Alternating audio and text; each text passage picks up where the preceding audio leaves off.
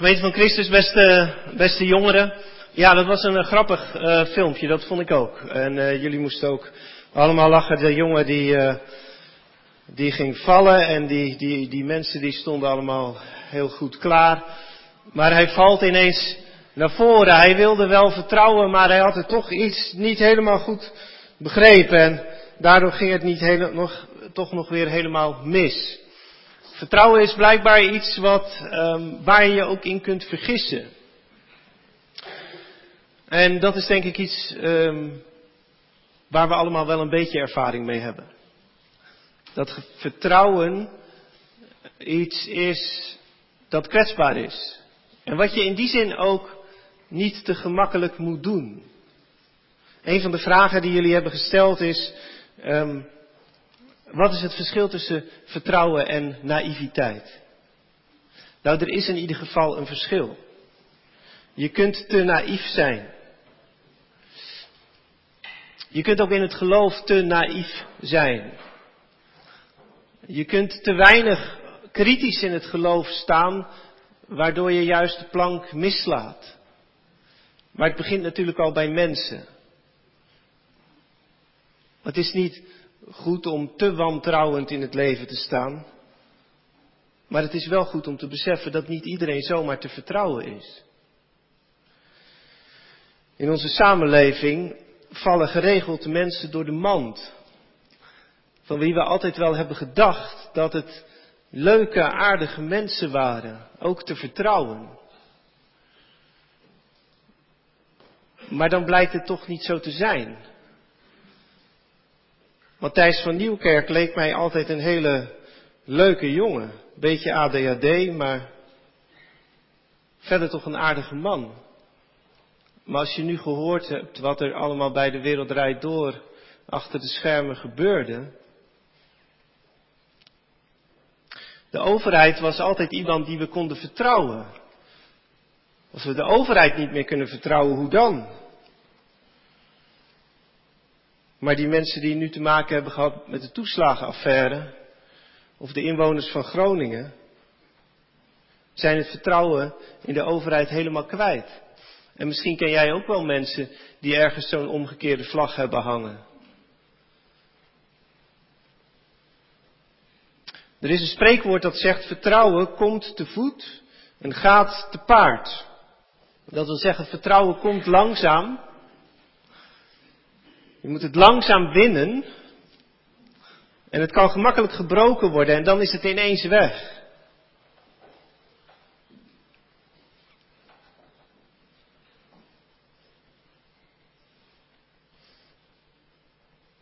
Tegenover vertrouwen moet je dus altijd ook wantrouwen zetten. Wie over vertrouwen nadenkt, denkt ook over wantrouwen na. En dat doen wij niet alleen, dat doen de psalmen al. We hebben Psalm 146 gelezen. Dat gaat over God, de enige helper staat erboven. Maar het begint met een heel duidelijke vermaning waar we niet op moeten vertrouwen. Vertrouw niet op edelen, op een mensenkind bij wie geen heil is. En dan staat er, welzalig is hij die de God van Jacob tot zijn hulp heeft, wiens verwachting is op de Heere zijn God. Dus het vertrouwen op God wordt hier heel duidelijk gezet tegenover het wantrouwen in mensen. En daarin gaat de psalmist eigenlijk best heel ver. En ik denk eigenlijk dat het ook zo is. Dat je alleen God kunt leren vertrouwen als je het vertrouwen in mensen bent kwijtgeraakt. Zolang je nog vertrouwt op deze wereld, en dat wij het samen wel gaan redden als we maar ons best doen. Als we samen onze schouders eronder zetten. Zolang wordt er geen echt geloof in je geboren. Het geloof in God ontstaat ook in de crisis van de ervaring dat je weet er is niets anders waar je echt op bouwen kunt. Ik had het pas bij een categorisatie over um, dat wij in een tijd beginnen te leven waarin steeds meer mensen er rekening mee houden dat deze planeet echt voorbij gaat. Het is lang niet zo geweest, hè, maar je hoort het om je heen. Hoe wij nu samen als mensheid bezig zijn, hoe we de kernwapens weer aan het oppoetsen zijn, maar nog meer uh, hoe wij eigenlijk, ondanks dat we weten dat de planeet ons gedrag, het klimaat ons gedrag niet verdraagt, toch gewoon doorgaan met dat gedrag. Misschien heb je het filmpje van Arjan Lubach gezien in een van zijn laatste afleveringen van zijn avondshow, waarin hij eigenlijk afscheid neemt van de planeet Aarde. Dagaardige aarde begint dat, je moet maar eens opzoeken. Filmpje, maar ook een schokkend filmpje. Omdat hij ook zegt, uh, ik denk eigenlijk dat we het gewoon niet gaan doen. En um, toen vroeg ik aan mijn catechizanten, hoe, kijk hoe kijken jullie daar nou naar? Vertrouw je nog op de wetenschap en de techniek? Dat je zegt, uh, nou, die gaan ons wel redden. Wetenschap en techniek hebben ons altijd gered, die gaan ons nu ook wel weer redden. Of denk je, na mij de zondvloed? Ik denk er niet over na. Ik denk bij zoiets is het in ieder geval ook zo. Vertrouwen op God, je op God richten, ontstaat pas als je het hebt losgelaten dat je denkt, wetenschap en techniek gaan ons ook nu wel weer redden. Er zit in de Bijbel een diep wantrouwen richting alle mensen. En in die zin moeten we ook niet zomaar tegen mensen die nu zeggen, ik vertrouw de overheid niet of ik ben daardoor heen gezakt, moeten we niet alleen maar zeggen, dat is toch, dat, dat, dat, dat. Als christen kun je dat toch niet doen? Nee. Christenen kennen Psalm 146, waar het vertrouwen op God tegenover de mens wordt gesteld. Vertrouw niet op edelen, op het mensenkind bij wie geen heil is. Wie is dat mensenkind daar? Dat mensenkind is daar aan de ene kant de hooggeplaatste, en dat is nu nog steeds zo. Hè? Waarom ging het mis met Matthijs van Nieuwkerk? Omdat hij een hooggeplaatste is. En waar mensen macht krijgen, gaat het altijd mis. Waarom gaat het mis met de overheid? Omdat het macht is. En waar macht regeert, gaat het altijd mis. Dat is in Psalm 146 ook zo. Vertrouw niet op de edelen. Want macht corrompeert. Maar het gaat nog dieper. Want daarnaast staat er, vertrouw niet op edelen, op een mensenkind bij wie geen heil is. Gaat zijn adem uit, dan keert hij weder tot zijn aarde. Te dien dagen vergaan zijn plannen. Met andere woorden, waarom kun je een mens ten diepste niet vertrouwen? Omdat hij sterfelijk is.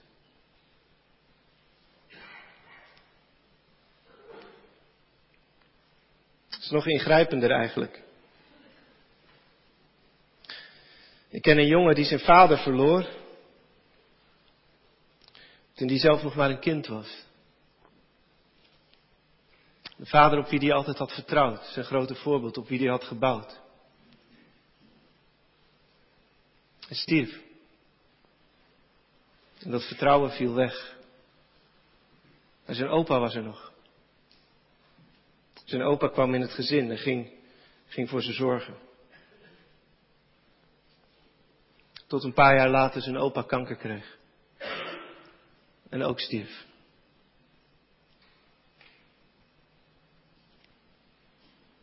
En nog voordat hij van de middelbare school af was, was hij ze allebei kwijt. Er zit iets diep onzekers in ons menselijk bestaan. En daarom is geloven, vertrouwen op God niet een aardig eitje voor wat je er ook nog wel bij kunt doen. Geloven in God is er ook omdat je uiteindelijk door mensen altijd heen zakt. Omdat ze ten diepste niet goed zijn of omdat ze hun laatste adem uitblazen voor je er erg in hebt. Vertrouw niet op edelen, op een mensenkind te dien dagen vergaan zijn plannen. Daar zit iets van troost in. Te dien dagen vergaan zijn plannen als hij zijn adem uitblaast. Want dat geldt dus ook voor Poetin. Poetin lijkt nu heel eng en gevaarlijk. Maar over een paar jaar is hij dood. We hoeven alleen maar geduld te hebben. En dan is hij dood. Te dien dagen vergaan zijn plannen. Maar er zit ook iets aangrijpends in. Als het gaat om de goede mensen. Want ook hun plannen vergaan. En daartegenover wordt dan gezet, welzalig hij die niet op mensen vertrouwt, maar op God, de God van Jacob, wiens verwachting is op de Heere zijn God, die hemel en aarde gemaakt heeft, die zee, de zee en al wat erin is, die trouw houdt tot in eeuwigheid. Vertrouwen op God ontstaat dus op het moment dat je eigenlijk door, de, door andere bodems bent heen gezakt en Hem ontdekt hebt als de grond van alles. En als degene die, die als de heilige onze zondigheid te boven gaat en als de eeuwige onze sterfelijkheid te boven gaat. Vertrouwen op die God, daar gaat het om. Maar is dat dan niet toch een beetje naïef? We kunnen toch niet alleen maar naar God vluchten omdat je in de wereld niks te vertrouwen hebt? Nee, als dat het enige zou zijn, dan zou het natuurlijk nog een vorm van wensdenken kunnen zijn. En dan zou het inderdaad nog naïef kunnen zijn, want wie zegt er dan dat er überhaupt iets is wat deze onbetrouwbare wereld werkelijk ontstijgt? Vertrouwen is op zijn minst iets wat je in die zin ook moet leren. Vertrouwen is iets, niet iets wat je zomaar krijgt. Maar vertrouwen is iets wat ontstaat in een, in een vriendschap met God. Ook met God is het zo dat vertrouwen te voet komt. Israël heeft het in eeuwenlang lange vriendschap met God moeten leren om langzaam aan het vertrouwen op de machten gedag te zeggen en het vertrouwen op God meer en meer te winnen. Dat is wat we bedoelen met het Bijbelse woord verbond. Vriendschap, de vriendschap met God. Daarin komt het vertrouwen te voet. Daarom moet je nooit als iemand iets ergs meemaakt en je gaat bij hem op bezoek of je stuurt een kaartje, iets zeggen als vertrouw maar op God. Doei.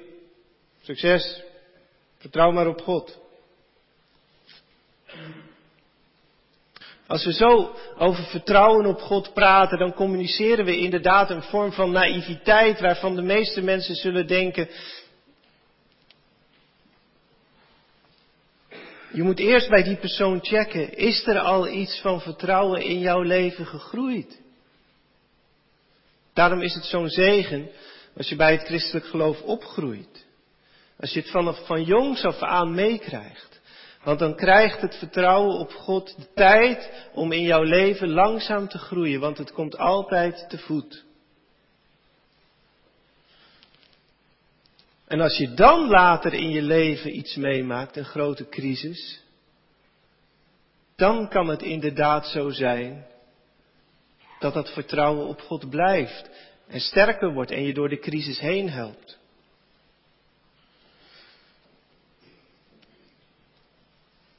Maar het is nooit iets wat in een crisis zomaar ontstaat.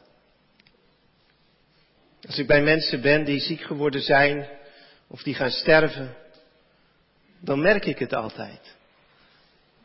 Het enige wat nu gebeurt, is dat datgene wat ze hebben opgebouwd in het leven, zich nu sterker toont. Iemand die langzaam in zijn leven God is gaan vertrouwen, kan ook in vertrouwen sterven en kan zijn ziekte dragen. Maar iemand die niet in zijn leven vertrouwen in God langzaam heeft opgebouwd, zal dat in een crisis ook nooit zomaar krijgen. En als je nou jong bent, dan is dat vertrouwen natuurlijk nog aan het groeien. En natuurlijk ben je dan bang ook voor naïviteit. En om je zomaar aan die God toe te vertrouwen. Daarom moet je jezelf ook tijd gunnen om de betrouwbaarheid van God te ontdekken. Daar mag je ook tijd voor nemen. Want het zou inderdaad dom zijn om zomaar met iets of iemand mee te gaan. En om zomaar een geloof voor te zetten van je ouders zou ook dom zijn. En dat kan de bedoeling niet wezen. Je gaat ook niet, stapt ook niet zomaar bij iemand in de auto die jou vraagt of je een stukje mee wil rijden. Je onderzoekt eerst of iemand betrouwbaar is. Jong zijn is dus ook de tijd nemen om de betrouwbaarheid van God te onderzoeken. Dat doe je door die vriendschap met God uit te proberen. Maar dat moet je dan wel serieus doen natuurlijk. En waarom zou je dat serieus doen? Omdat al heel veel mensen die vriendschap met God hebben uitgeprobeerd. Bijvoorbeeld al die mensen aan wie we de Bijbel te danken hebben. Dat zijn allemaal mensen die de vriendschap met God hebben uitgeprobeerd in hun leven. En die daarvan getuigen. En die allemaal tegen ons zeggen, hij is betrouwbaar. Je kunt het met hem wagen. En de gemeenschap van de kerk is als het goed is ook een gemeenschap waarin wij tegen elkaar zeggen, hij is te vertrouwen en daar verhalen bij kunnen vertellen.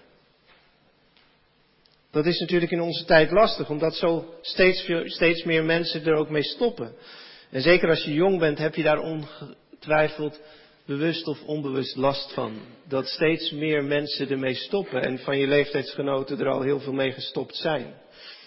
Dat zijn allemaal tekenen die ons eigenlijk influisteren, is die wel te vertrouwen? Daarom is het ook zo belangrijk om elkaar verhalen te vertellen in jeugdgroepen, in kerkdiensten en elders van ervaringen dat die wel te vertrouwen is. En als je dat dan hebt ontdekt, dan is het ook belangrijk dat je zelf die stap zet. Want dat hoort ook bij vertrouwen. Vertrouwen is niet alleen maar een geschenk. Vertrouwen is niet alleen maar iets wat je krijgt. Vertrouwen is ook iets wat je doet. Ik vertrouw jou. Daar kies ik voor. En dat is altijd een daad die je doet voordat bewezen is dat de ander helemaal betrouwbaar is. Dat kan niet. Je kunt van een mens niet bewijzen dat hij helemaal betrouwbaar is. Waarom niet? Omdat een mens vrij is. En in zijn vrijheid altijd rare dingen kan doen. En zelfs van God kun je in die zin niet bewijzen dat hij te vertrouwen is. Omdat ook God een persoon is die een weg met ons gaat. En die daarin ook vrij blijft. Zelfs vrij om het verbond, om de vriendschap met ons op te zeggen. En soms gaat hij ook heel eind die kant op. Als je de Bijbel goed leest.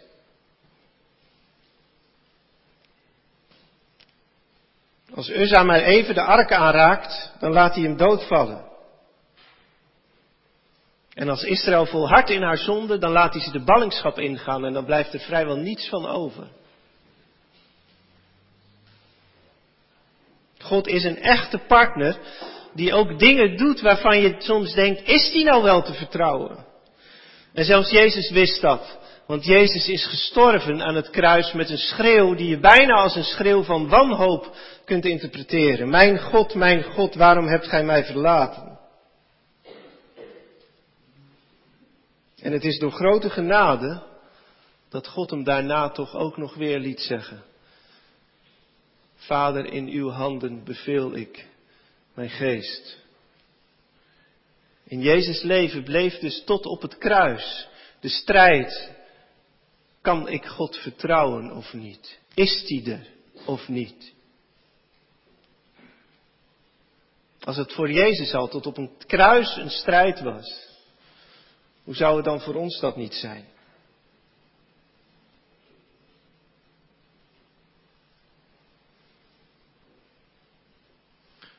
Maar wij hebben ook het bericht gehoord dat Jezus na die strijd, die duurde tot op het kruis, is opgestaan uit de dood.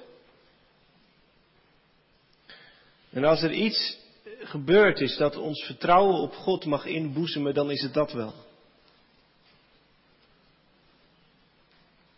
En toch blijft van ons gevraagd om dat dan ook zelf met deze God te wagen. Daarom is het eigenlijk eenzijdig en veel te eenzijdig als je gaat zeggen geloven is vertrouwen. Als je alleen maar zegt geloven is vertrouwen, dan kan dat inderdaad heel makkelijk leiden tot het idee geloven is eigenlijk toch iets naïefs.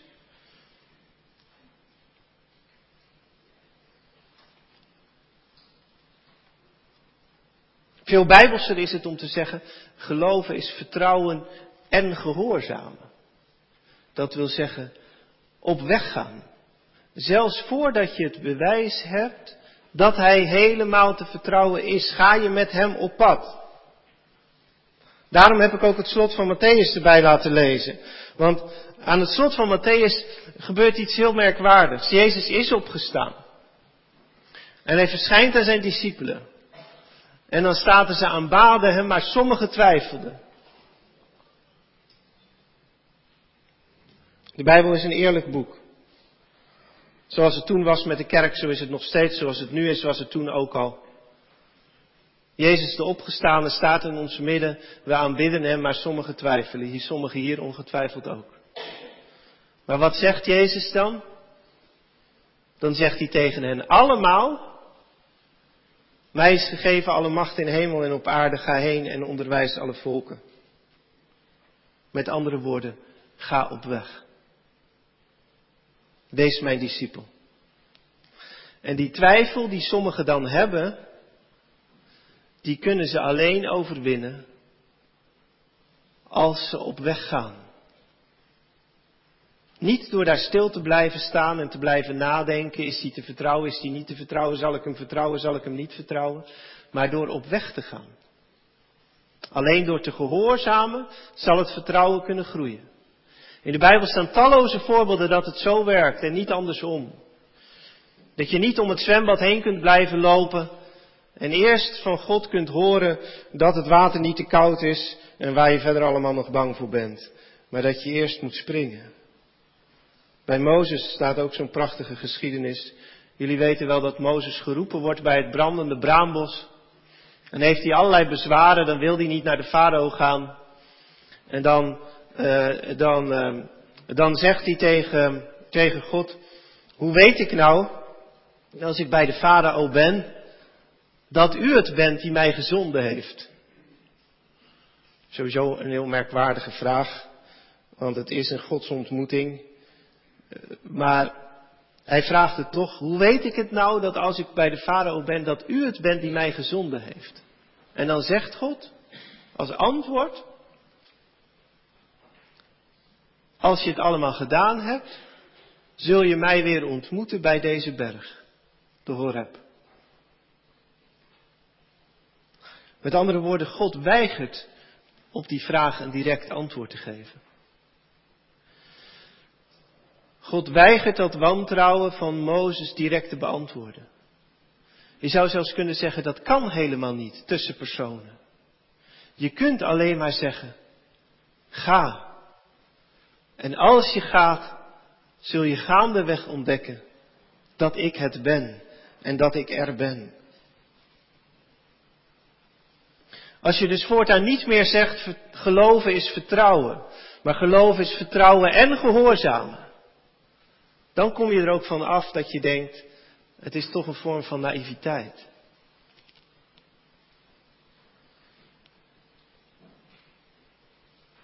En tenslotte nog een derde punt.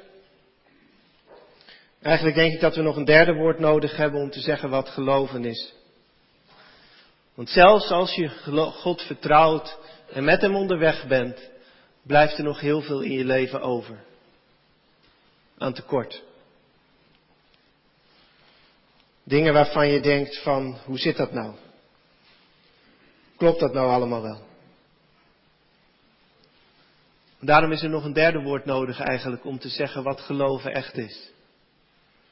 Vertrouwen, gehoorzamen en verlangen. Als je iemand helemaal wilt vertrouwen en dan pas wilt zeggen, ik ben bij u, ik, ik, eh, ik doe mee, dan sluit je eigenlijk het verlangen uit. Verlangen wil zeggen, er valt altijd nog meer te ontdekken. Omdat God iemand is naar wie wij verlangen, kunnen we alleen maar met Hem leven in vertrouwen. God zal nooit iets worden als 2 plus 2 is 4. Op de waarheid van 2 plus 2 is 4 hoef je niet te vertrouwen. Dat is gewoon zo. Het is een naakt feit. Maar omdat het een naakt feit is, is het ook volkomen oninteressant. Alle zogenaamde feiten zijn volkomen oninteressant. Precies omdat het alleen maar dat zijn, naakte feiten. Personen daarentegen zijn interessant om mee te leven of om af te wijzen. Zo iemand is God. Iemand op wie je kunt vertrouwen.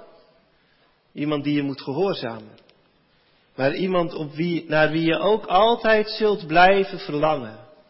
Omdat er altijd dingen zijn die te groot voor je zijn. Maar als je dan verder en verder en verder met hem gaat, dan wordt zelfs dat wat te groot is voor je alleen maar een reden om hem nog meer te prijzen.